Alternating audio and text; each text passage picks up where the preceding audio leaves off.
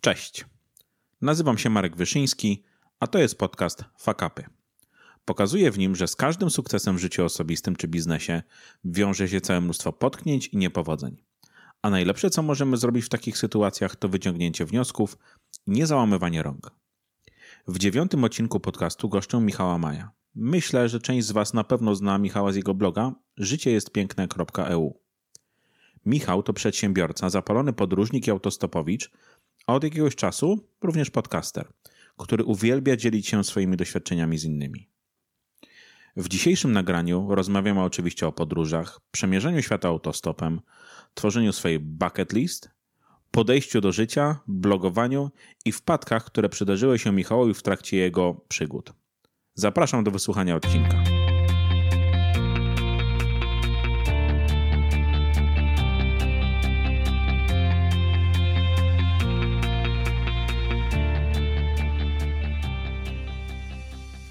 Cześć Michał. Cześć Marek.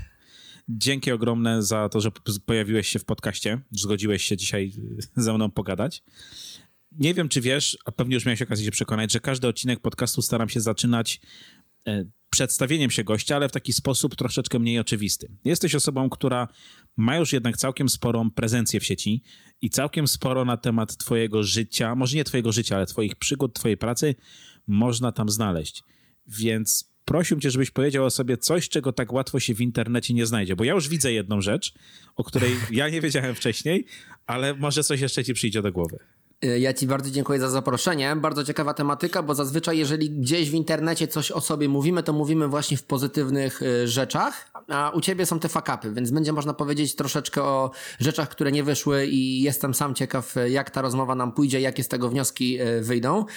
Jeżeli chodzi o jakieś rzeczy, o których mało osób o mnie wie, miałem przygotowaną jedną rzecz, e, bo sam powiedziałeś, że zadasz to pytanie, więc już przygotowałem sobie jedną mhm. rzecz. Natomiast sam dzisiaj e, zwróciłeś uwagę na rzecz, o której, o której nie wiedziałeś. E, to jest rzecz taka, że noszę okulary. I dzisiaj, jak się połączyliśmy na kamerce, to zauważyłeś, że te okulary noszę. I faktycznie, na blogu mało to widać. Rzadko pojawiam się na zdjęciach w okularach, więc to jest taka rzecz, o której mało osób o tym wie, tak naprawdę. Mhm. Dobra, będziemy dzisiaj rozmawiać o fakapach, więc chciałem cię w ogóle zapytać, co to dla ciebie jest fakap? Jak ty byś to słowo zdefiniował? Mm, ja bym to zdefiniował chyba jako taką lekcję, moment, w którym coś nam nie wyszło i coś poszło nie tak, ale nie traktuję tego też na takiej zasadzie, że to jest jakiś bardzo duży błąd. Ja raczej traktuję to słowo i też wydaje mi się, że w takim nazewnictwie korporacyjnym, firmowym mówimy o jakichś takich błędach, małych y, sytuacjach, które się dzieją ale nie traktuję tego jako taki poważny błąd, coś takiego poważnego, raczej jaką lekcję, z której można wyciągnąć jakieś e, wnioski. Mhm. A powiedz, miałeś może w ostatnim czasie jakieś takie spektakularne, wyjątkowo ciekawe albo zabawne fakapy? Jakbym miał wybrać taką jedną rzecz, to będzie mi ciężko wybrać, ale od ponad dwóch lat y, razem ze wspólnikiem prowadzimy firmę i prowadzenie firmy to jest tak naprawdę fuck up za fuck upem. Znaczy ja mam mhm. dosyć duże doświadczenie, bo wcześniej też już prowadziłem swoją firmę, natomiast to było coś zupełnie innego, bo byłem raczej freelancerem. Od dwóch lat prowadzimy firmę razem, zatrudniamy też nowe osoby i odkąd tą firmę prowadzę, to dla mnie każdy dzień jest jakby pewną przygodą i lekcją, bo Wcześniej na przykład myślałem, że zarządzanie ludźmi w firmie jest y, bardzo proste, no bo przecież wystarczy dawać im tylko zadania i mm, mówić miłe słowa i oni te zadania będą realizować. No okazuje się, że zarządzanie zespołem to jest dosyć skomplikowana rzecz. Ja wcześniej z tym nie miałem tak naprawdę doświadczenia i wszystkiego uczę się od nowa. I mhm. tak naprawdę prowadzenie firmy to jest codzienne zmaganie się z takimi różnymi rzeczami. Zaleta jest taka, że tak naprawdę większość błędów popełniam tylko raz. Yy, czyli z każdego okay, jakiegoś błędu, który popełnię, wyciągam jakieś wnioski i tak naprawdę takie błędy, które po popełniamy, to, to jest taki dobry moment, żeby zatrzymać się i spojrzeć sobie wstecz, na przykład, kim byłem dwa lata temu. I ja widzę, mhm. jak przez ten czas, jak dużo się nauczyłem, i chociażby w tym temacie firmowym, zarządzaniu firmą, zrobiłem niesamowite postępy, jestem zupełnie inną osobą. I, i wiem, że to jest doświadczenie, które będzie dla mnie, zostanie ze mną na całe życie. Bardzo przydatna rzecz. Mhm.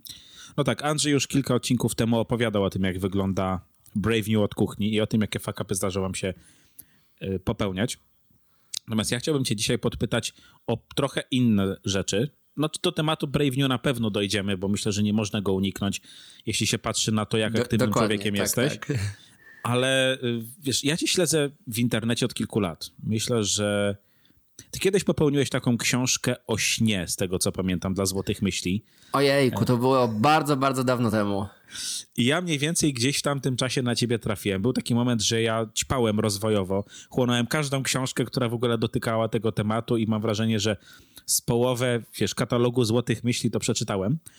E, I trafiłem tak na ciebie i później stamtąd trafiłem na, na bloga. I wiesz, rzecz, która mi się rzuca w oczy, myślę, że każdemu z czytelników, jesteś niesamowicie aktywną osobą, bo to jest sport, to są podróże, to są akcje charytatywne, to jest prowadzenie własnej firmy, e, to jest chodzenie po górach, o czym nawet pisałeś e, parę dni temu e, i to takie dość hardkorowe. Zresztą na Mont Blanc też się wspinałeś. Powiedz mi, jak ty to robisz? Bo moja doba ma tylko 24 godziny. Mam wrażenie, że twoja chyba ma więcej. Wiesz co, to wszystko są takie trochę. Trzeba na to spojrzeć z perspektywy tak naprawdę mm, ostatnich moich 12 lat, bo jakby, jeżeli ktoś wejdzie na przykład na mojego bloga i wejdzie sobie w zakładkę, co zrobiłem, mam taki dział, gdzie spisuję sobie mhm. rzeczy, różnego rodzaju podróże, projekty, które realizowałem, to faktycznie te rzeczy są bardzo różnorodne i jest ich dosyć dużo. Są tam właśnie, tak jak wspomniałeś, rzeczy związane z podróżami, wyprawy po górach, yy, nurkowanie, bieganie, triatlon, robię faktycznie dużo rzeczy i to w momencie, gdy się wejdzie na to, to robi to wrażenie. To jest wow, skąd ten gość ma tyle czasu? Natomiast trzeba na to też spojrzeć z takiej perspektywy 12 lat. To jest wszystko zrobione w wyniku 12 lat i my mhm. bardzo często nie, zda, nie zdajemy sobie sprawy, jak dużo właśnie można zrobić w takim dłuższym okresie czasu. Czyli jeżeli będziemy sumienie, skrupulatnie pracować na przykład, to w przeciągu 10 lat jesteśmy w stanie bardzo dużo zrobić i, i to właśnie z tej perspektywy na to trzeba e, spojrzeć. E, jeżeli chodzi o te wszystkie rzeczy, które ja robię, no to wynika to troszeczkę z takiego mojego charakteru. Ja nie potrafię określić się na jedną rzecz. Naprawdę podziwiam mhm. osoby, które potrafią się specjalizować w jednej bardzo wąskiej dziedzinie i robić tylko to. Mnie zawsze interesowało wszystko. Jak byłem dzieckiem, to jeździłem na deskorolce, uprawiałem parkour. E, tutaj modelarstwo mnie interesowało. Naprawdę z wielu dziedzin e, chłonąłem. I był nawet taki okres, że ja byłem na siebie o to zły, że mm, tak dużo rzeczy robię naraz i z tak wielu różnych tematów poruszam mm, rzeczy. Natomiast dzisiaj wiem, że to jest bardzo dobre, bo dzięki temu jestem dosyć mocno wszechstronny. Jeżeli chodzi jeszcze o taką jakby podejście do tych wszystkich wyzwań, to ja też nie podchodzę do tego tak, że muszę zrealizować daną rzecz. Ja bardzo lubię cieszyć się drogą i lubię sobie wymyślać takie swoje małe projekty.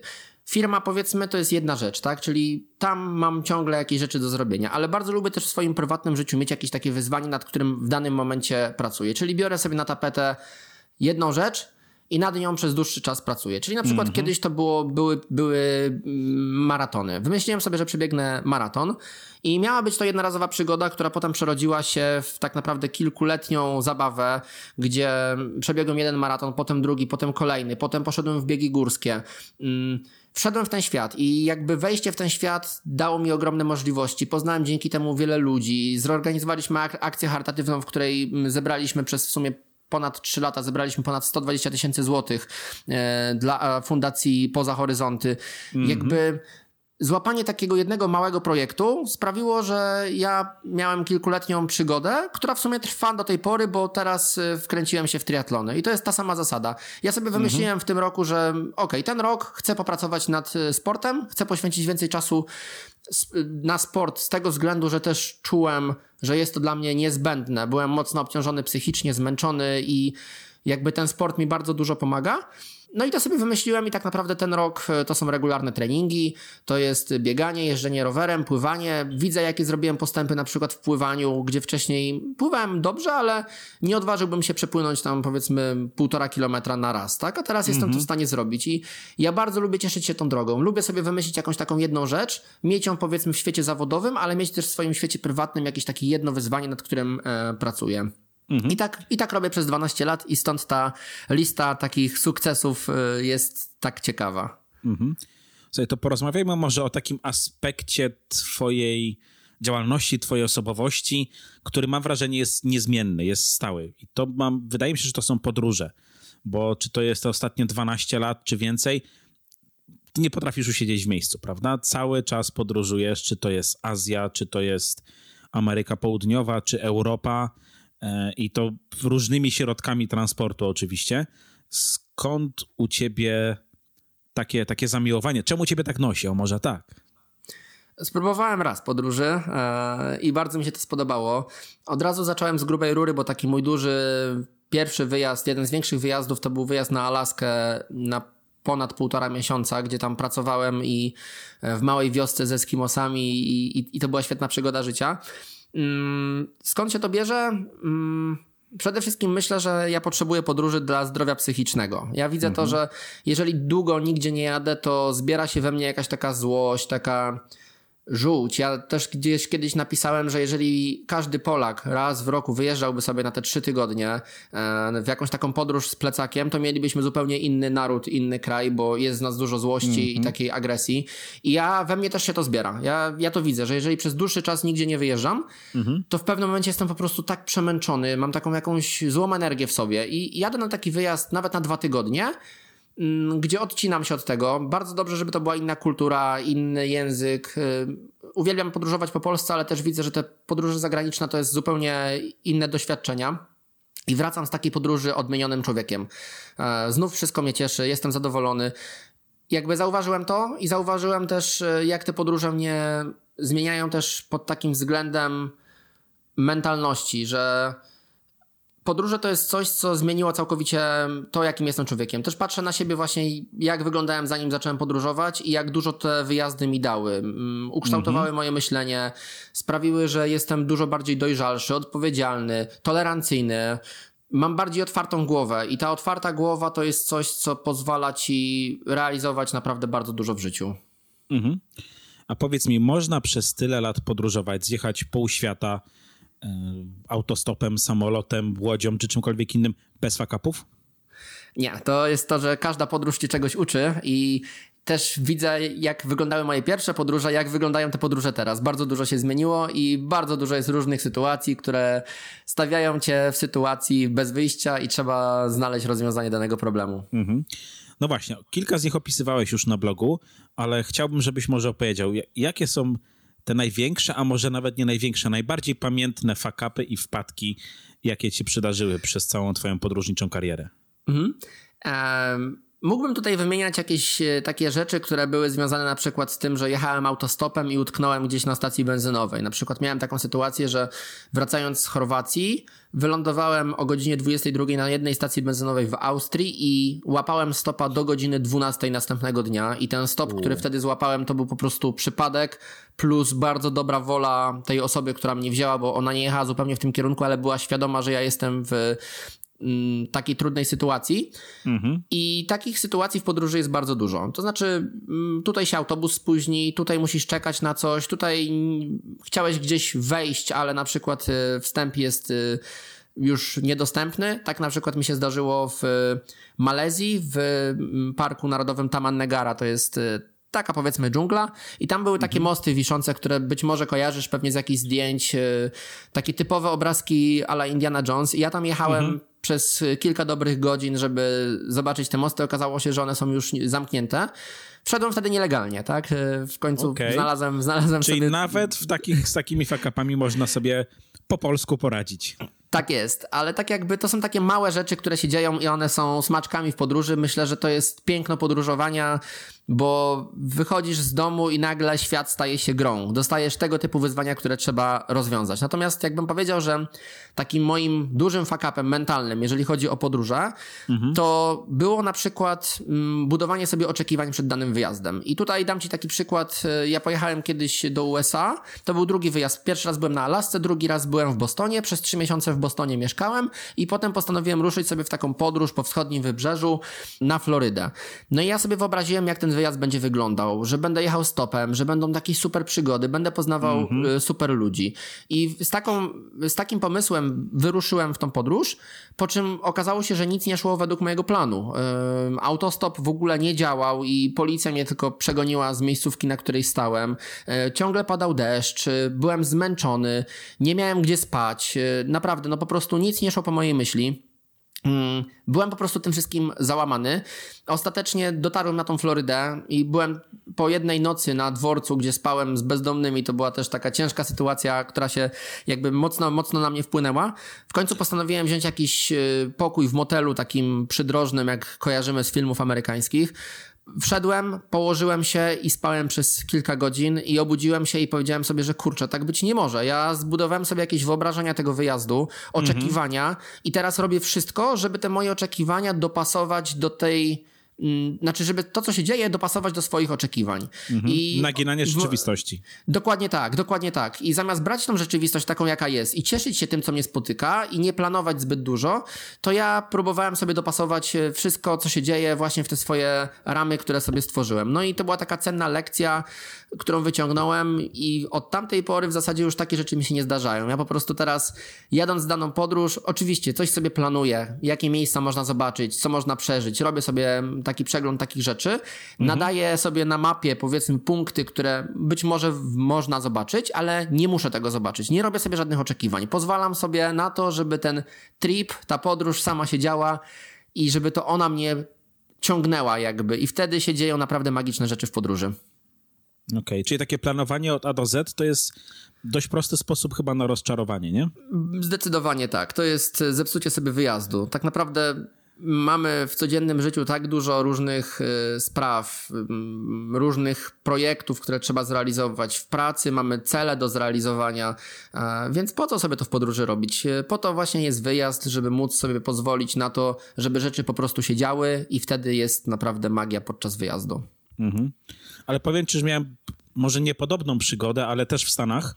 Też mhm. byłem na work and travel i postanowiliśmy sobie w którymś momencie, że no na koniec pracy pojedziemy, zwiedzimy sobie całą Kalifornię, bo akurat tam pracowaliśmy i mhm. już mieliśmy wszystko zaplanowane, nawet część noclegów dogranych, tylko że zapomnieliśmy powiedzieć naszemu szefostwu, że my chcemy skończyć tą pracę parę dni wcześniej i ruszyć w świat.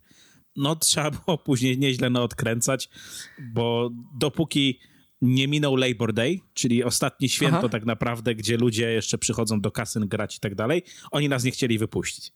Mm -hmm, Więc mm -hmm. musieliśmy korygować plany. Udało się. Udało się oczywiście, wiesz, i, i, i finalnie i tak było to niesamowite doświadczenie, ale mówię, plany, plany, plany, a życie je zweryfikowało w zasadzie jedną rozmową.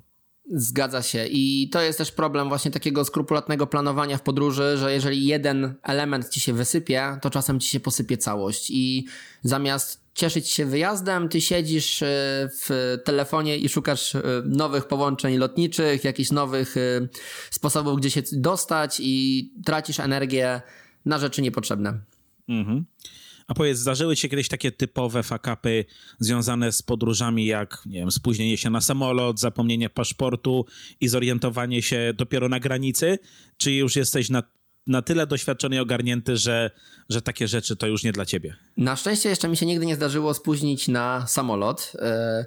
Raz miałem taką sytuację, że mm, nie poleciałbym do Turcji. E, rozmawiałem ze znajomym, z którym jechaliśmy i na koniec mhm. rozmowy ustaliliśmy tam wszystkie rzeczy związane z wjazdem i na koniec e, powiedziałem, że no to dobra, to w takim razie widzimy się na lotnisku w piątek. I on tak złapał taki moment, że ej, poczekaj, my jutro wylatujemy. I niewiele brakowało. Natomiast ja jestem raczej osobą, która jest dosyć dobrze zorganizowana i jak ja się pakuję na jakiś wyjazd, to wszystko mam spisane I nie zdarzyło mi się zapomnieć czegoś takiego ważnego. Oczywiście jakieś tam małe rzeczy mi się zdarzały, i, ale względem na przykład paszportu czy pieniędzy, takie rzeczy mi się nie zdarzały, bo zawsze to sobie wcześniej zanotuję, przygotuję. Okay. Mm, I, i, I takie rzeczy się nie zdarzały. Natomiast mam inny problem, i moim problemem jest gubienie aparatu. I zdarzyło mi się czterokrotnie bodajże zgubić aparat. E, I co ciekawe, za każdym razem udało mi się go z powrotem odzyskać. I tutaj to jest cały przykład... czas ten sam aparat, czy już jakiś znaczy, ogólnie, ogólnie różnego rodzaju sprzęt. I jakby nie wiem skąd się to bierze, bo zdałem sobie sprawę, że mam z tym jakiś problem, bo to już kilka razy się zdarzyło, to nie jest przypadek, ale pierwszy raz udało, zostawiłem e, aparat fotograficzny w Budapeszcie w barze E, zdałem sobie sprawę o, o, tym e, jakieś 10-15 minut później i biegiem dobiegłem do tego baru. Okazało się, że przy tym stoliku już siedziały nowe osoby nie widziały aparatu, ale poszedłem do barmana i okazało się, że barman go schował. Drugi raz e, zostawiłem we wspomnianym już tym Taman Negara, e, zostawiłem tam mnie spotkał deszcz e, w tej, w tej dżungli, schowałem się w takim drewnianym domku.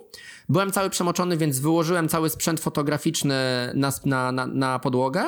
I potem pakując z powrotem zostawiłem kamerkę GoPro. E, wróciłem do, do miasta, do takiej wioski, w której mieszkałem i zdałem sobie sprawę wieczorem o 22, że GoPro zostało w dżungli. I wyobraź sobie, że o 6 rano wstałem i tam pobiegłem. Musiałem jeszcze przepłynąć rzekę. Na szczęście yy, pan, który. Nie, nie, to akurat łódką przepłynąłem, ale pływał człowiek na łódce i za tam symboliczną złotówkę mnie przerzucił na drugi brzeg. I GoPro się znalazło. I absolutnym hitem moim było, był powrót z Maroka w tamtym roku bo zostawiłem aparat fotograficzny i to ten nowy, który mam obecnie i jego strata to by mnie bolała, plus straciłbym zdjęcia. Zostawiłem w samolocie. E, wróciłem do, wylądowałem w Krakowie, wróciłem do domu, rozpakowałem się, zrobiłem jedzenie, mówię, dobra, to teraz siadam do obróbki zdjęć. I nagle patrzę, nie ma aparatu. I tutaj już byłem pewny, że jest, jest po aparacie, zadzwoniłem na lotnisko, powiedzieli, że nie ma, mm, że prawdopodobnie ten samolot poleciał do Marsylii, więc może zadzwonię na lotnisko w Marsylii. No ale okazało się, pół godziny później odzwonili do mnie, że jednak się aparat znalazł, więc ja po prostu wykorzystałem limit chyba szczęścia na, na ten sprzęt i obiecuję sobie, że będę bardziej na to uważał i będę bardziej skrupulatny pod tym względem. A może już powinieneś zacząć jeździć bez sprzętu, nie? Zawsze będzie bezpieczniej. Zgadza się, może tak. E, słuchaj, no tak jak mówiłeś, samolot, łódka, ale mam wrażenie, że takim, takim środkiem transportu, który mi się kojarzy bardzo z tobą po lekturze twojego bloga, jest autostop. Autostopem dojechałeś aż do Afryki, nie? E, tak, był taki, taki projekt i faktycznie tym autostopem swojego czasu jeździłem bardzo dużo. Teraz troszeczkę mniej, ale faktycznie był taki okres, gdzie e, bardzo dużo jeździłem stopem. Mhm. I powiedz mi, zdarzają się fakapy przy stopie? Poza tym, że możesz na przykład czekać gdzieś 16 godzin? Bo ja miałem na przykład fakap w te wakacje jako kierowca wziąłem e, chłopaków, którzy akurat gdzieś tam wracali przemoczeni, mówię, no dobra, podwieziemy ich. Powiedziałem że pewnie tak, jadę tam, gdzie wy, przy czym zupełnie w tą stronę nie jechałem, po prostu nie miałem totalnie pojęcia, gdzie jestem. Pierwszy raz w życiu mm byłem w Bieszczadach i finalnie musiałem jechać w zupełnie inne miejsce niż, niż planowałem, no bo już im obiecałem i głupio się było Zdeklarowałeś się. No właśnie, jak to u ciebie, jeśli idzie o tą część y, bycia autostop, autostopowiczem? Mm, to fakapy się zdarzają. Tak jak wspomniałem już, była sytuacja z tym, że bardzo długo stałem na stacji benzynowej. E, wracając z Maroka autostopem do Polski, mm, co ciekawe, jadąc na przykład z Polski e, do Maroka, w zasadzie na południe Hiszpanii i potem tam przypłynęliśmy promem do Maroka, e, Przejechaliśmy mhm. tą drogę z kolegą w 3,5 dnia. Natomiast z powrotem przez całą Hiszpanię jechaliśmy 7 dni. To był po prostu dramat, nic nam nie szło. Mieliśmy strasznego pecha ale to są rzeczy, ja bym tego nie traktował w formie fakapów, tylko raczej takiej normalności, która dzieje się na stopa. I to jest, y, może być różnie. Czasem może ci się zdarzyć, że będziesz szedł jak burza i będziesz łapał naprawdę świetne stopy, wspaniałych kierowców, którzy sprawią, że będą się działy rzeczy magiczne podczas podróży a czasem się zdarzy po prostu, że nie idzie. I to jest coś, co jest wpisane w, w, w, autostop. I podróżując autostopem, tak naprawdę trzeba mieć nastawiony umysł właśnie w taki sposób, że nie masz żadnych oczekiwań. Ja na przykład mhm. nie jeżdżę autostopem, jeżeli gdzieś muszę dotrzeć na konkretny dzień i konkretną godzinę i wiem, że mam ograniczony czas. E, no bo wtedy się może zdarzyć, zdarzyć fuck up, nie będzie mhm. mi to wychodziło. E, jeżdżę autostopem tylko wtedy, gdy nie mam presji czasu, gdy wiem, że nic się, nigdzie nie muszę gonić. Jeżeli nie dotrę do danego miejsca, to nic się nie stanie. Mogę sobie w każdej chwili, nie wiem, rozbić namiot obok i spędzić noc tutaj. I z takim nastawieniem, jak jeżeli jeździmy autostopem, to o dziwo nie wiem jak to się dzieje. Jest coś takiego magicznego w tym, że jeżeli nie masz tej presji, nie masz tych oczekiwań, to wszystko idzie gładko. A jeżeli pojawia się u ciebie stres, jeżeli się pojawiają takie oczekiwania, że ty musisz dotrzeć dzisiaj do danego miejsca, bo jeżeli nie, to coś się wydarzy, mhm. to wtedy jakoś no ci kierowcy czują ten taki stres, taką energię, nie mam pojęcia, ale zawsze jeżeli miałem jakąś taką presję, to coś mi szło nie tak. A jeżeli mhm. szedłem z taką otwartą głową i z taką nastawieniem na przygodę, cokolwiek się wydarzy, to będzie fajnie, to wszystko szło dobrze. Okej. Okay. Czyli prawo przyciągania w jakiś sposób tutaj działa, rozumiem. Dokładnie. Ja nie wiem, jak to działa, ale coś, coś takiego jest na rzeczy. I w zasadzie nawet o tym wspomnianym przykładzie yy, powrotu z Maroka, jadąc do Maroka, my nie mieliśmy żadnych oczekiwań. Nie wiedzieliśmy, ile czasu nam zajmie podróż yy, do Maroka. Mhm. Mm, poszło nam ekspresowo szybko, a mieliśmy po prostu świetną energię podczas tego, tego wyjazdu. Natomiast wracając, byliśmy już zmęczeni podróżą, bo spędziliśmy mhm. w, w Maroku też troszeczkę czasu. Musieliśmy wrócić do Polski, bo kolega miał wtedy egzaminy poprawkowe na uczelni, wtedy jeszcze studiowaliśmy. E, mhm. Mieliśmy to takie coś, że skoro dojechaliśmy w 3,5 dnia z Polski do, do Maroka, to teraz też powinniśmy wrócić w podobnym czasie. I była taka seria różnych planów, oczekiwań, i to wszystko sprawiało, że znaczy nic nam nie szło po prostu. I staliśmy całymi dniami na różnych stacjach benzynowych przy autostradzie i naprawdę było fatalnie. Dużo fajnych przygód się po drodze wydarzyło oczywiście.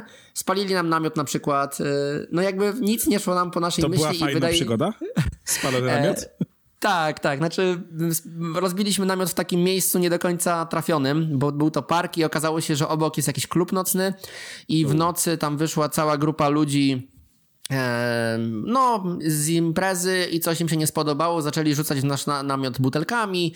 No, stwierdziliśmy, że nie ma co tutaj mm, zostawać.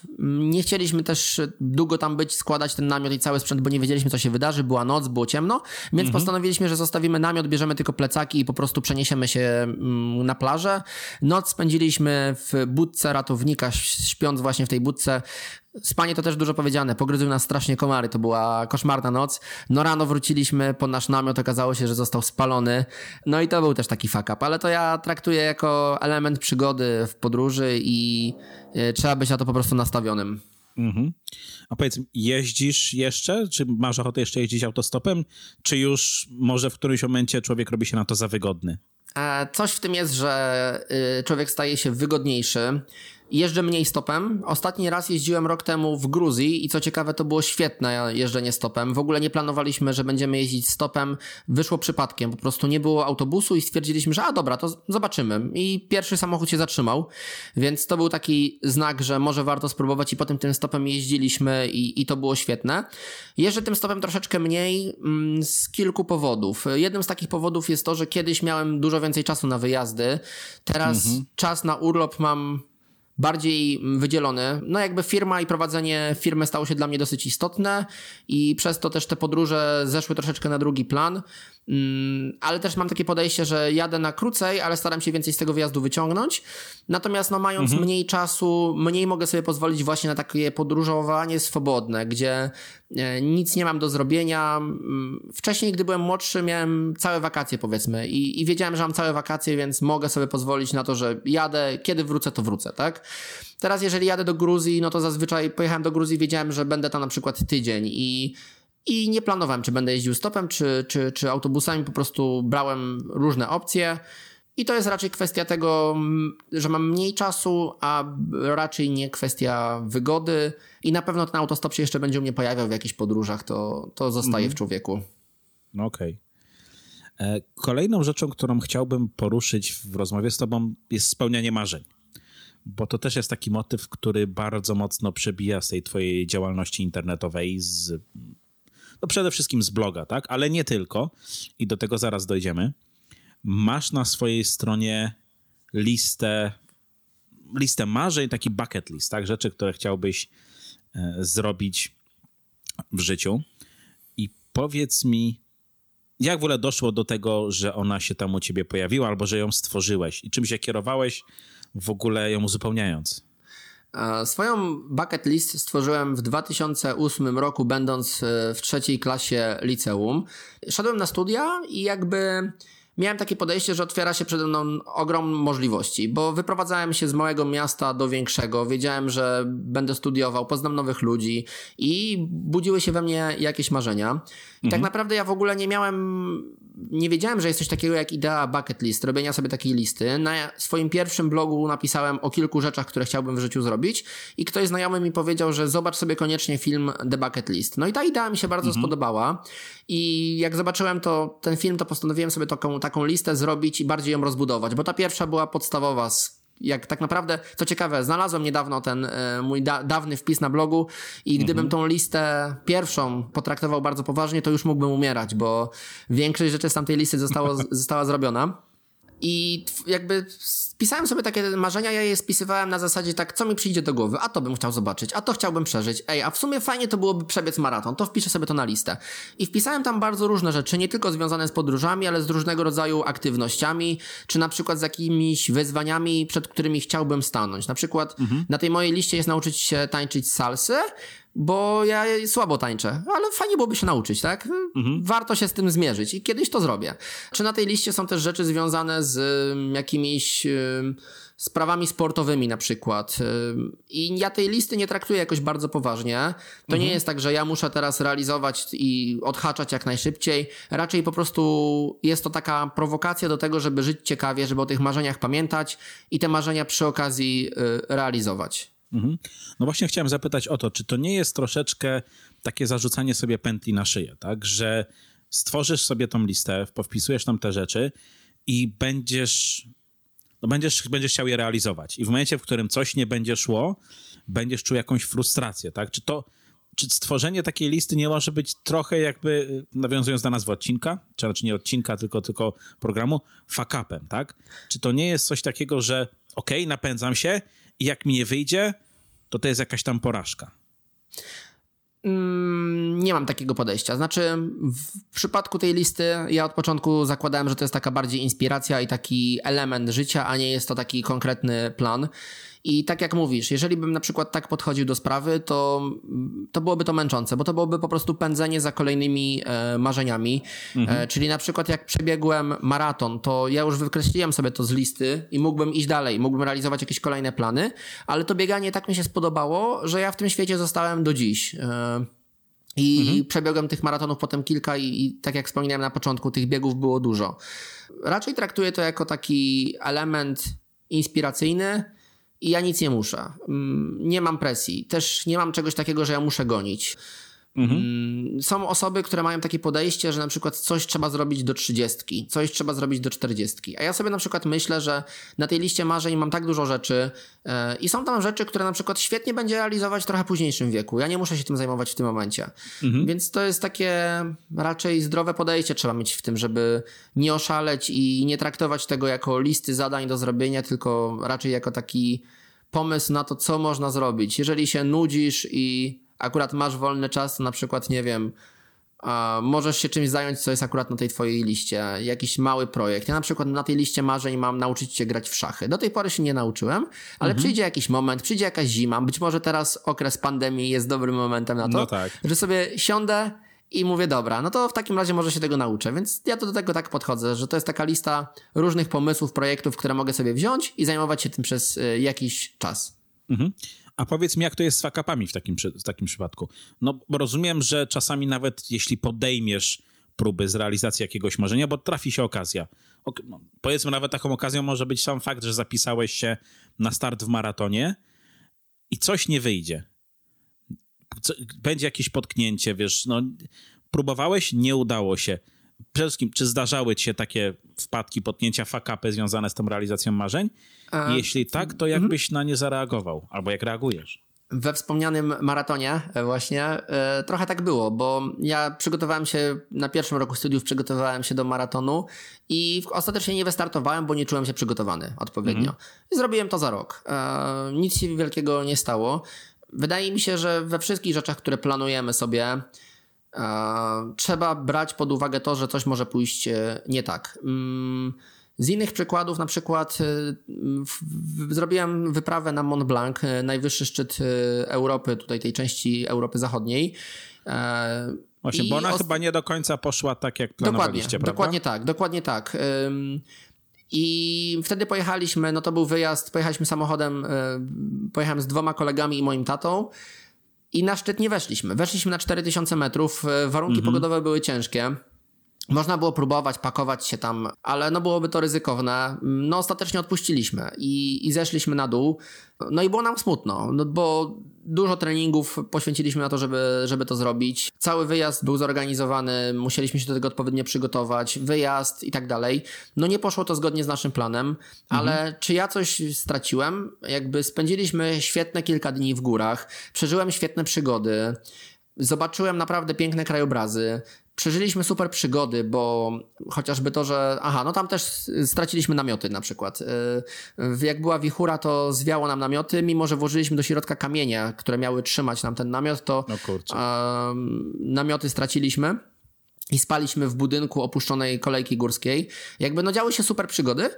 I czy ja mam mieć poczucie, że nie wszedłem na dany szczyt? On tam nadal jest. Ja tam kiedyś sobie wejdę, a mimo wszystko wyjazd był rewelacyjny. No, mhm. świetne przygody, doświadczenia i, i chciałbym tak próbować, więc trzeba po prostu mieć takie zdrowe podejście, że nie zawsze pójdzie zgodnie z planem i chociażby ta sytuacja, która też dzieje, dzieje się teraz y, związana z pandemią, no też miałem mhm. różne plany. Miałem przygotowywać się teraz do wyjazdu na Bali, y, miałem tam jechać na dłuższy czas, miałem pracować zdalnie na początku mhm. roku, no ale to się nie wydarzy i, i trudno i i po prostu ja już nauczyłem się takiej pokory, że czasem los, życie da nam coś takiego, że nie uda się czegoś zrealizować i trzeba się z tym liczyć, ale się tym nie stresować i nie denerwować. Czyli ja rozumiem, że Mont Blanc, tak jak mówiłeś, on jeszcze stoi i jeszcze, jeszcze się zobaczycie. Dokładnie tak, dokładnie. Nie ma co się tym przejmować jakby.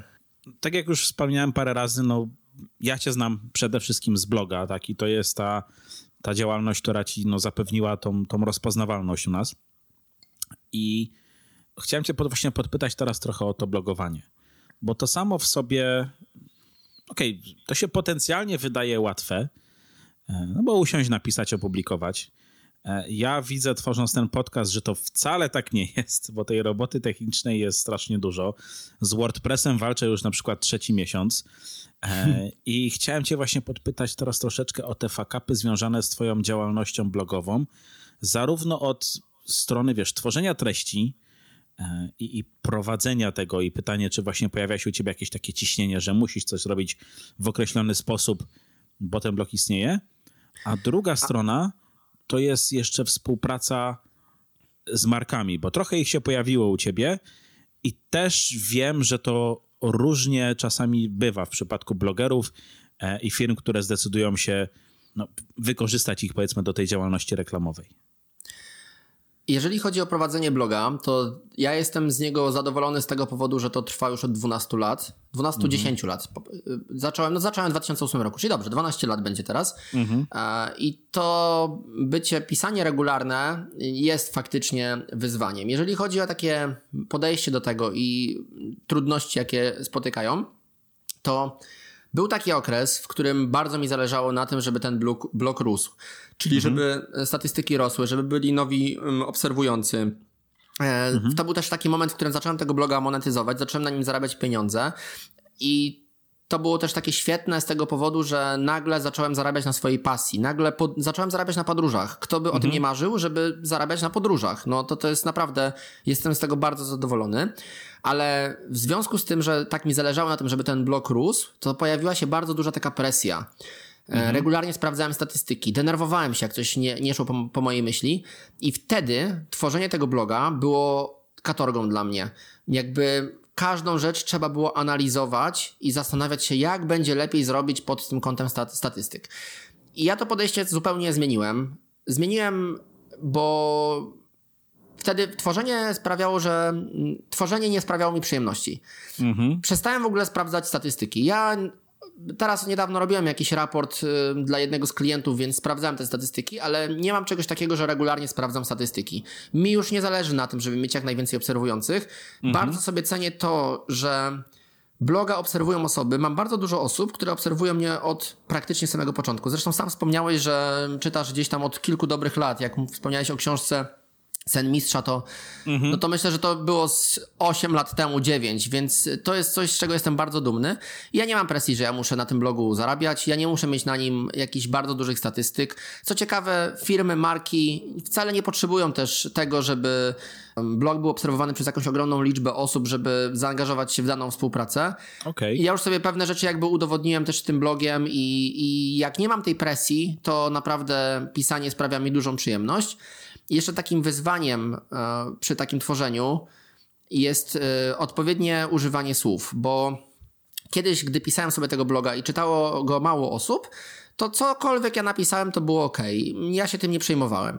Natomiast mhm. teraz, gdy już bardziej dojrzale go prowadzę i zdaję sobie sprawę, jakie słowa mają znaczenie i jak ktoś może to zinterpretować. I też w dzisiejszych czasach, y, gdzie portale newsowe atakują nas różnymi fake newsami, mm, jakby widzę, jakie słowa mają znaczenie, jak ktoś może to zinterpretować i pisząc, to jest trochę coś, co jest męczące i to jest wyzwaniem dla mnie.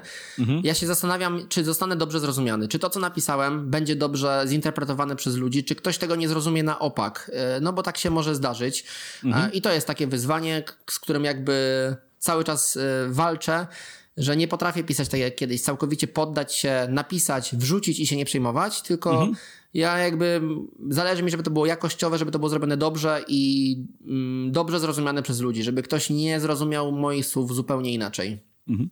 Ale zdarzyły ci jakieś wpadki związane z tym, że to, co napisałeś, zostało odebrane nie do końca tak, jak ty sobie tego życzyłeś, albo tak, jak to sobie wyobraziłeś, mm, tworząc dany materiał? Wiesz co, ogólnie bardzo rzadko. Ja mam bardzo fajną społeczność. Yy, mam bardzo fajnych czytelników, którzy Rzadko się zdarza, żeby komuś coś jakby przeszkadzało. Mm, mhm. Być może ja też mało prowokuję. Nie, nie robię jakichś y, rzeczy, które.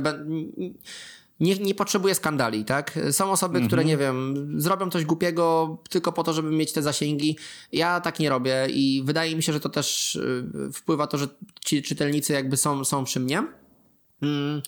Natomiast zdarzały się jakieś sytuacje, że na przykład mm, nie chciałbym na przykład sytuacji, że na, Mm, szukam jakiegoś konkretnego przykładu, wiesz, i tak zastanawiam mhm. się. Zdarzały mi się takie sytuacje, ale nie potrafię teraz sobie coś konkretnego przypomnieć, ale na pewno były takie rzeczy, że ktoś coś źle zrozumiał. Mm, ja coś napisałem i chodziło mi powiedzmy o X, a ktoś w ogóle interpretuje to jako Y, zupełnie, zupełnie inaczej. I, I pisząc tekst staram się spojrzeć na niego, czy faktycznie te rzeczy odpowiednio przejrzałem. Czy na przykład raz zdarzyła mi się taka sytuacja, w której realizując jeden projekt, wjechałem samochodem na obszar Natura 2000. Nie byłem tego świadomy. Wrzuciłem mhm. zdjęcie na fanpage i ktoś zwrócił mi uwagę, że to jest ob obszar Natura 2000. Ja to zdjęcie szybko usunąłem i jakby potem napisałem we wpisie na blogu, że coś takiego miało miejsce i przy okazji zrobiłem dokładny poradnik, gdzie można samochodem wjeżdżać, gdzie nie można mhm. i jak nie popełniać tego typu błędów.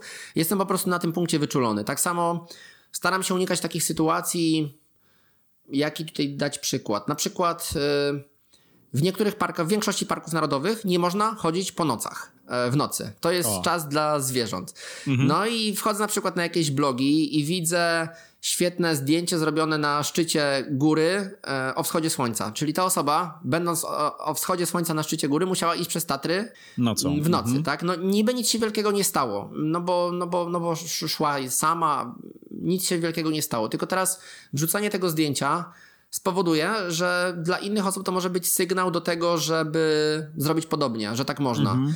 I ja nie mówię, że ja jestem bez winy, bo na pewno też znajdzie się, znajdę jakieś rzeczy w swojej historii, że coś zrobiłem źle, chociażby ten wspomniany samochód, którym wjechałem e, do tego obszaru Natura 2000 ale cokolwiek robię, to staram się mm, postępować jak najbardziej etycznie i sprawdzam informacje, sprawdzam rzeczy, które wrzucam, czy nie będą one właśnie zachętą na przykład do zrobienia czegoś y, złego. A powiedz mi, jeśli idzie w ogóle o samą współpracę z markami, bo zdarzały się już w przypadku polskiej blogosfery czy, czy tej sceny YouTube'owej sytuacje, kiedy marki wręcz wycofywały się ze współpracy z niektórymi twórcami ze względu na to, jakie treści tworzyli czy propagowali. Strasznie dużo tego typu sytuacji też było w ostatnich czasach, jeśli idzie o poprawną poprawność polityczną u różnego rodzaju celebrytów. Pewnie bardziej na zachodzie niż u nas, ale powiedz mi, czy zdarzały się takie sytuacje, że w którymś momencie marka mówiła, że no, takich zachowań nie akceptujemy, to nie jest spójne z, z nami, e, czy, czy coś w tym stylu? E, w moim przypadku się tak nie zdarzyło, bo raczej mówię, ma, mój, mój wizerunek, tak to nazwijmy, mhm. Y, w sieci on jest, jest troszeczkę awanturniczy i jest troszeczkę szalony, mhm. ale staram się przy tym wszystkim być odpowiedzialny i trzymać y, swoje jakby przygody w takich ryzach bezpieczeństwa. Mm, jeżeli chodzi o współpracę, takie jakieś sytuacje fakapowe, to wspomniane wjechanie samochodem do obszaru Natura 2000 było, było związane ze współpracą z marką. Ja wtedy współpracowałem właśnie z marką samochodową mhm. i tym bardziej mnie to bolało, więc e, teraz sprawdzam dokładnie e, i mówię, no jestem bardzo ostrożny pod tym względem. Na przykład też realizowaliśmy dla jednej e, firmy materiały filmowe. I no, było, mieliśmy świetne miejsce, gdzie mogliśmy nagrać świetne ujęcie dronem, ale to było na pograniczu Parku Narodowego. To jeszcze nie był Park Narodowy, ale obok, tak? No i ja powiedziałem, że no nie nagramy tutaj tych ujęć, bo ktoś się przyczepi, ktoś zwróci na to uwagę. To jest, no, bądźmy ostrożni w tym temacie. E, więc staram się podchodzić do sprawy bardzo skrupulatnie. Jeżeli chodzi o jakieś sytuacje, które na przykład, że marka się wycofała ze współpracy, to coś takiego mi się wydarzy, zdarzyło raz i dotyczyło to marki ja od początku komunikowałem, że dla mnie istotne jest też to, że każdy wpis, jeżeli ja współpracuję z jakąś firmą, to ja podpisuję, że to jest y, efekt współpracy. Mhm. Jest to zaznaczone. I ja to zawsze na początku współpracy z daną firmą to informuję o tym przypadku tej firmy, która się e, wycofała, też o tym informowałem, tylko oni po prostu gdzieś im to uleciało. I bardzo żałuję, bo to był świetnie przygotowany wpis. To, miała być, to miał być wpis zrobiony w formie troszeczkę takiego escape roomu, e, czyli mhm. żeby przeczytać dalszy fragment tekstu, trzeba było rozwiązać łamigłówkę, trzeba było e, znaleźć pewnego rodzaju odpowiedzi. No, świetnie to było zrobione. Mhm. I już wszystko było dopięte. Ja miałem przygotowane wpisy, miałem zakodowany ten cały schemat programistyczny tego, jak to będzie działało i już w zasadzie wszystko było gotowe i pojawił się temat e, tego podpisu. No i ja mówię, że powiedziałem, że no w pierwszym mailu informowałem, że coś takiego jest ważne i nie zrobię tego bez, nie, nie puszczę tego wpisu bez, bez, bez podpisu. Mhm. No i to akurat była firma, która Albo może nie będę mówił. E, no ostatecznie, ostatecznie się nie dogadaliśmy. Akurat ta firma zachowała się bardzo w porządku, bo wiedziała, że ja poświęciłem sporo, sporo czasu na przygotowanie tego materiału, więc zaproponowali mi tam wynagrodzenie bodajże chyba w jednej, drugiej całości projektu, no ale ostatecznie no. Mhm. wpis nie został opublikowany. Bardzo żałuję, bo ten wpis jeszcze było było to, to była tak przygotowana kampania, do której było zaangażowane kilku blogerów i jeszcze najlepszy wpis miał być nagrodzony, nagrodzony biletami lotniczymi na Kubę. I ja naprawdę wierzyłem, że mój pomysł na ten escape room wpis jest tak dobry, że zgarnę te bilety. No przepadło, ale mm, mam czyste sumienie. A on jeszcze leży gdzieś tam w twoich szkicach w WordPressie, czy już poszedł do kosza? Jest, y, jest w szkicach i ogólnie pomysł na zrobienie tego wpisu, on sobie czeka. Ja, ja tego wykorzystam przy jakiś, kiedyś y, w jakimś innym projekcie, więc to, to nie przepadnie. Okej, okay, super, to czekam w takim razie. E, jak już jesteśmy przy tej działalności pisarskiej, to naturalnie możemy teraz przejść do książki. Popełniłeś dwie, przynajmniej dwie, o których ja wiem, i o tą drugą właśnie chciałbym cię troszeczkę wypytać. Napisałeś książkę o tym, jak spełniać marzenia. Skąd pomysł? pomysł na książkę już od dłuższego czasu mi siedział w głowie i podczas tych moich podróży działy się różnego rodzaju przygody. Tych projektów różnych podróżniczych było dużo, no i miałem w sobie jakąś taką potrzebę spisania tych rzeczy. Po prostu chciałem napisać książkę i też podszedłem do tego tak, jak podchodzę do różnego rodzaju wyzwań, czyli pewnego dnia wstałem i powiedziałem sobie, dobra, no to siadamy i piszemy. Mam już tych przygód troszeczkę zebranych, mam troszeczkę tego doświadczenia podróżniczego zebranego, mam czym podzielić się z czytelnikami, więc teraz trzeba siąść i to napisać.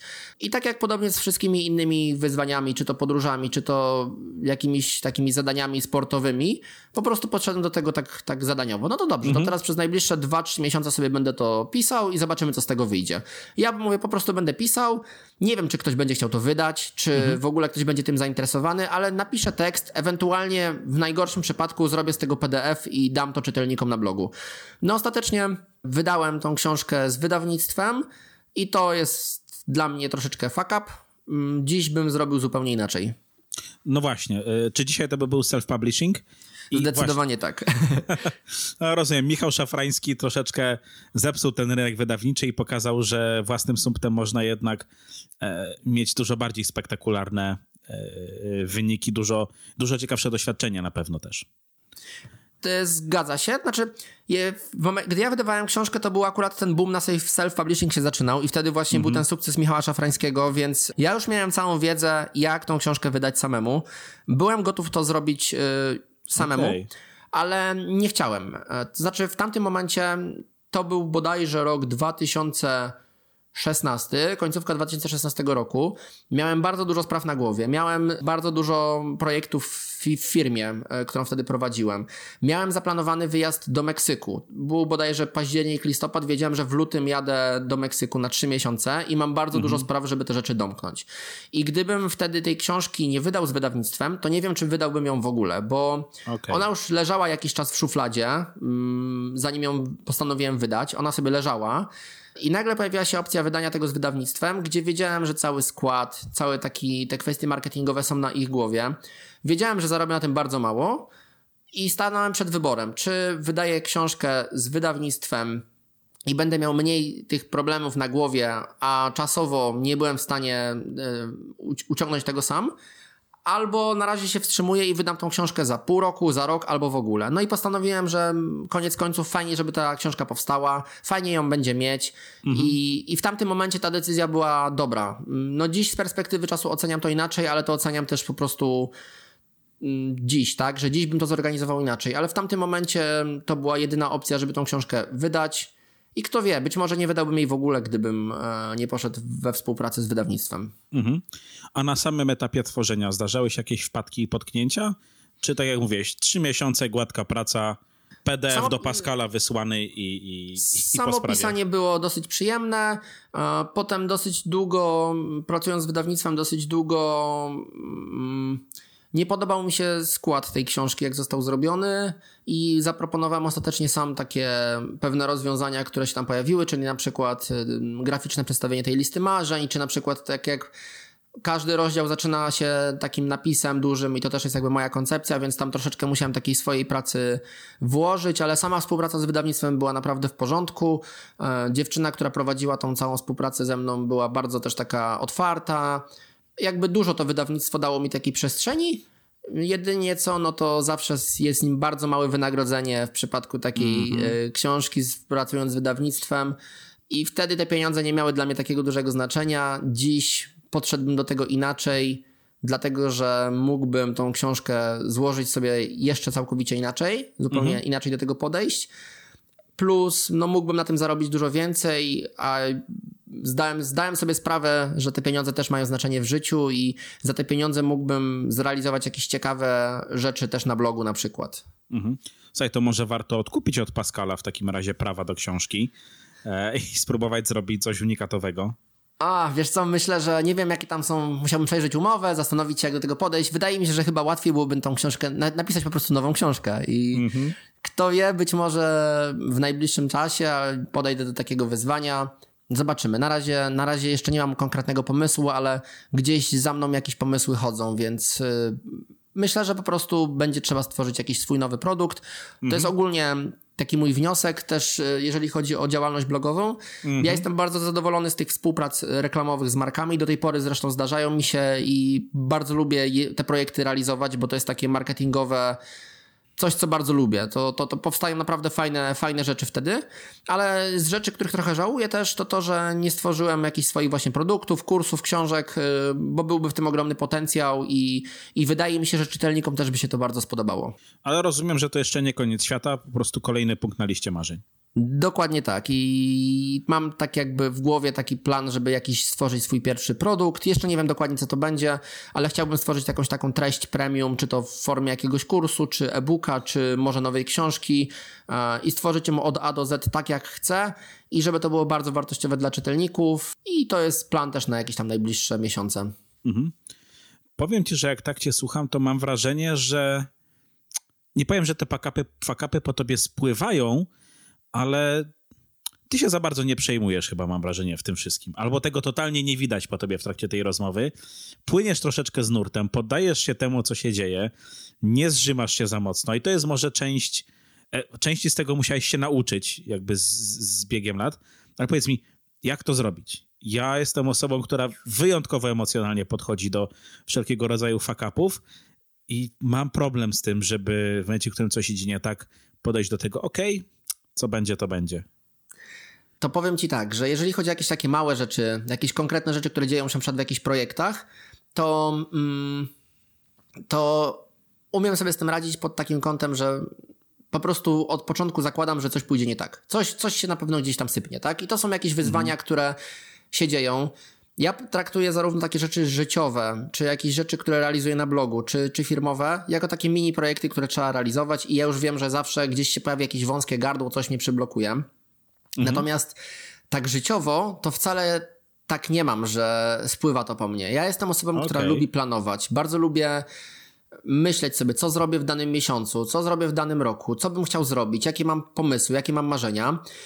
I wbrew pozorom, ja się bardzo często frustruję i denerwuję na taką rzeczywistość, która mnie otacza, gdzie właśnie coś sobie zaplanuję i nie idzie tak, jakbym chciał. Mhm. Mm, I są to rzeczy, mm, które mogą być to rzeczy duże, jakieś problemy, tak jak na przykład teraz y, związane z COVID-em. No, cały plan na ten rok zmieniłem. E, I wkurzam się na to. Ja jestem, jestem nerwowy, naprawdę. Denerwuje mnie to, i to jest coś, czego się chcę nauczyć właśnie, bo mówisz, że ja to umiem, a ja nie do końca to potrafię. Chcę się tego nauczyć. Okay. Ale też na przykład takie mam dni, że czasem coś nie idzie mi po myśli, na przykład, nie wiem, autobus się spóźnia, deszcz pada, kolejka. Jak ja na przykład nie lubię stać w kolejkach w sklepie, nienawidzę tego. I wiesz, jakby gdzieś się śpiesza i jest akurat kolejka na przykład. No i po prostu gotuje się we mnie, ale chcę się tego oduczyć. To jest rzecz, którą muszę zmienić, bo naprawdę nerwowo czasem nie wytrzymuję. I tak z, z, takich, jeżeli chodzi o takie małe rzeczy, tak jak mówię, ta kolejka, spóźniony autobus, to usłyszałem ciekawą rzecz, że denerwujemy się, gdy mamy za dużo obowiązków, gdzie się śpieszymy, więc staram się podchodzić teraz do rzeczy tak, żeby mieć tych obowiązków mniej, mieć więcej czasu i przestrzeni dla siebie. Mhm. A, a jeżeli chodzi o takie podejście, na przykład, że coś sobie zaplanowałem i zupełnie los po prostu wyśmiał mnie i zweryfikował wszystko, to też staram się do tego tak podchodzić, że kiedyś wierzyłem, że mam 100% wpływu na swoje życie i ode mnie wszystko mm -hmm. zależy. Natomiast z wiekiem dojrzałem i rozumiem też, że są czynniki niezależne, na które nie mam wpływu i no i co z tego, no? Nie udało się, no nie udało się. Mm, nie wiem, robisz sobie rano herbatę i kubek się stucze i wyleje się kawa. No i co? No, no stało się, no po prostu. Ładnie się ułożyła, ładna figura się ułożyła z tych wszystkich, wiesz, fusów, które wyleciały tak do tego trzeba podejść. Możemy planować, a bardzo często te plany są zweryfikowane w jakiś sposób i chcę się tego nauczyć. Wychodzi mi to coraz lepiej, żeby się po prostu nie przejmować, dać życiu trochę tak płynąć i, i żeby rzeczy się po prostu działy. Ale tak naprawdę yy, dużo rzeczy nie zrealizuję, ale tak jak sobie patrzę, to nadal masę rzeczy udało mi się zrobić i na tym chyba trzeba się skupić. No właśnie chciałem cię zapytać o to podejście do, do fakapów i taką może nie podejściem, taką najważniejszą lekcję, którą byś przekazał e, słuchaczom, ale mam wrażenie, że chyba właśnie odpowiedziałeś na to jeszcze niezadane pytanie. Tak, to jest właśnie to pytanie, że znaczy to, to jest ta odpowiedź, czyli życia nie da się kontrolować w 100%, nie na wszystko mamy wpływ i chyba trzeba tej pokory się nauczyć i takiego spokoju do tego, więc to jest chyba taka myśl, która wydaje mi się, że jest najważniejsza. Szukam narzędzi i sposobów, żeby o tym pamiętać na co dzień, bo ja tak sobie na to patrzę zawsze z perspektywy czasu i z perspektywy czasu, jak na przykład spojrzę, robię sobie plan, podsumowanie roku i widzę, ile rzeczy się udało, to jestem pod wrażeniem, jak, jak naprawdę fajne rzeczy mnie spotkały w danym roku, tylko że na co dzień tego nie widzimy. Mhm. I, I wydaje mi się, że to jest coś takiego cennego, co każdy z nas powinien się nauczyć, żeby uh, patrzeć wstecz, jak dużo się udało, akceptować rzeczy, które się mm, w jakiś sposób nie spełniły, nie zrealizowały, bo po prostu takie jest życie, że czasem y, plany zostaną zweryfikowane i życia nie da się kontrolować. Jak próbujemy je kontrolować, to wtedy uciera nam to życie nosa. Mhm. No właśnie tak chyba jest, że jeśli robimy sobie taką prywatną albo nawet nieprywatną retrospektywę, to bardzo często widzimy przede wszystkim te rzeczy, które nam wyszły, to co się udało, a nie te fakapy i potknięcia, tak? Bo z nich się czegoś nauczyliśmy, pewnie te wnioski wyciągnęliśmy i już je zaaplikowaliśmy do swojego życia, ale pamięta się przede wszystkim te, no te fajne chwile, nie? Dokładnie tak. Gdzieś o tych rzeczach gorszych chcemy zapomnieć, a z nich też można wyciągnąć jakieś cenne, cenne rzeczy. To na sam koniec chciałbym Cię jeszcze poprosić o to, żebyś mi powiedział, gdzie Cię szukać, gdzie Cię znaleźć w tym naszym internecie. To jeżeli chodzi o taką moją działalność e, podróżniczo-przygodową, to zapraszam na mój blog życiejestpiękne.eu I tam opowiadam właśnie o tej swojej pasji podróżowania, dzielę się różnymi przemyśleniami, opowiadam o różnych właśnie takich projektach, które realizuję, typu bieganie, triatlon i, i, i, i te sprawy. Natomiast jeżeli chodzi o taką część zawodową, to e, prowadzę firmę, agencję interaktywną bravenew.pl, więc też e, zapraszam do tego całe spektrum social media, które można znaleźć już na blogu, więc nie będę dokładnie wymieniał. E, Instagram, Facebook, ale te rzeczy się znajdą już na blogu Życie jest piękne EU i, i to jest takie moje główne miejsce w internecie, mój ogródek, o który sobie dbam. Dzięki wielkie za podzielenie się swoimi historiami i za, za dzisiejszą rozmowę. Ja również bardzo dziękuję. Świetnie się rozmawiało, tak wręcz momentami odpływałem myślami i naprawdę fajnie. Sam mam poczucie, że poukładałem pewne rzeczy w głowie dzięki tej rozmowie, więc bardzo wartościowo. Bardzo Ci dziękuję. E, tym bardziej mi miło. Dzięki i do, do usłyszenia w przyszłości. Cześć. Cześć. Dzięki wielkie za wysłuchanie odcinka. Na sam koniec mam do Was jeszcze małą prośbę. Niezależnie od tego, czy słuchacie odcinka przez iTunes, Spotify, YouTube czy jakikolwiek inny serwis, oceniajcie, subskrybujcie i komentujcie. Dzięki temu będę wiedział, jak robić ten podcast jeszcze lepiej. Do usłyszenia w następnym odcinku. Cześć!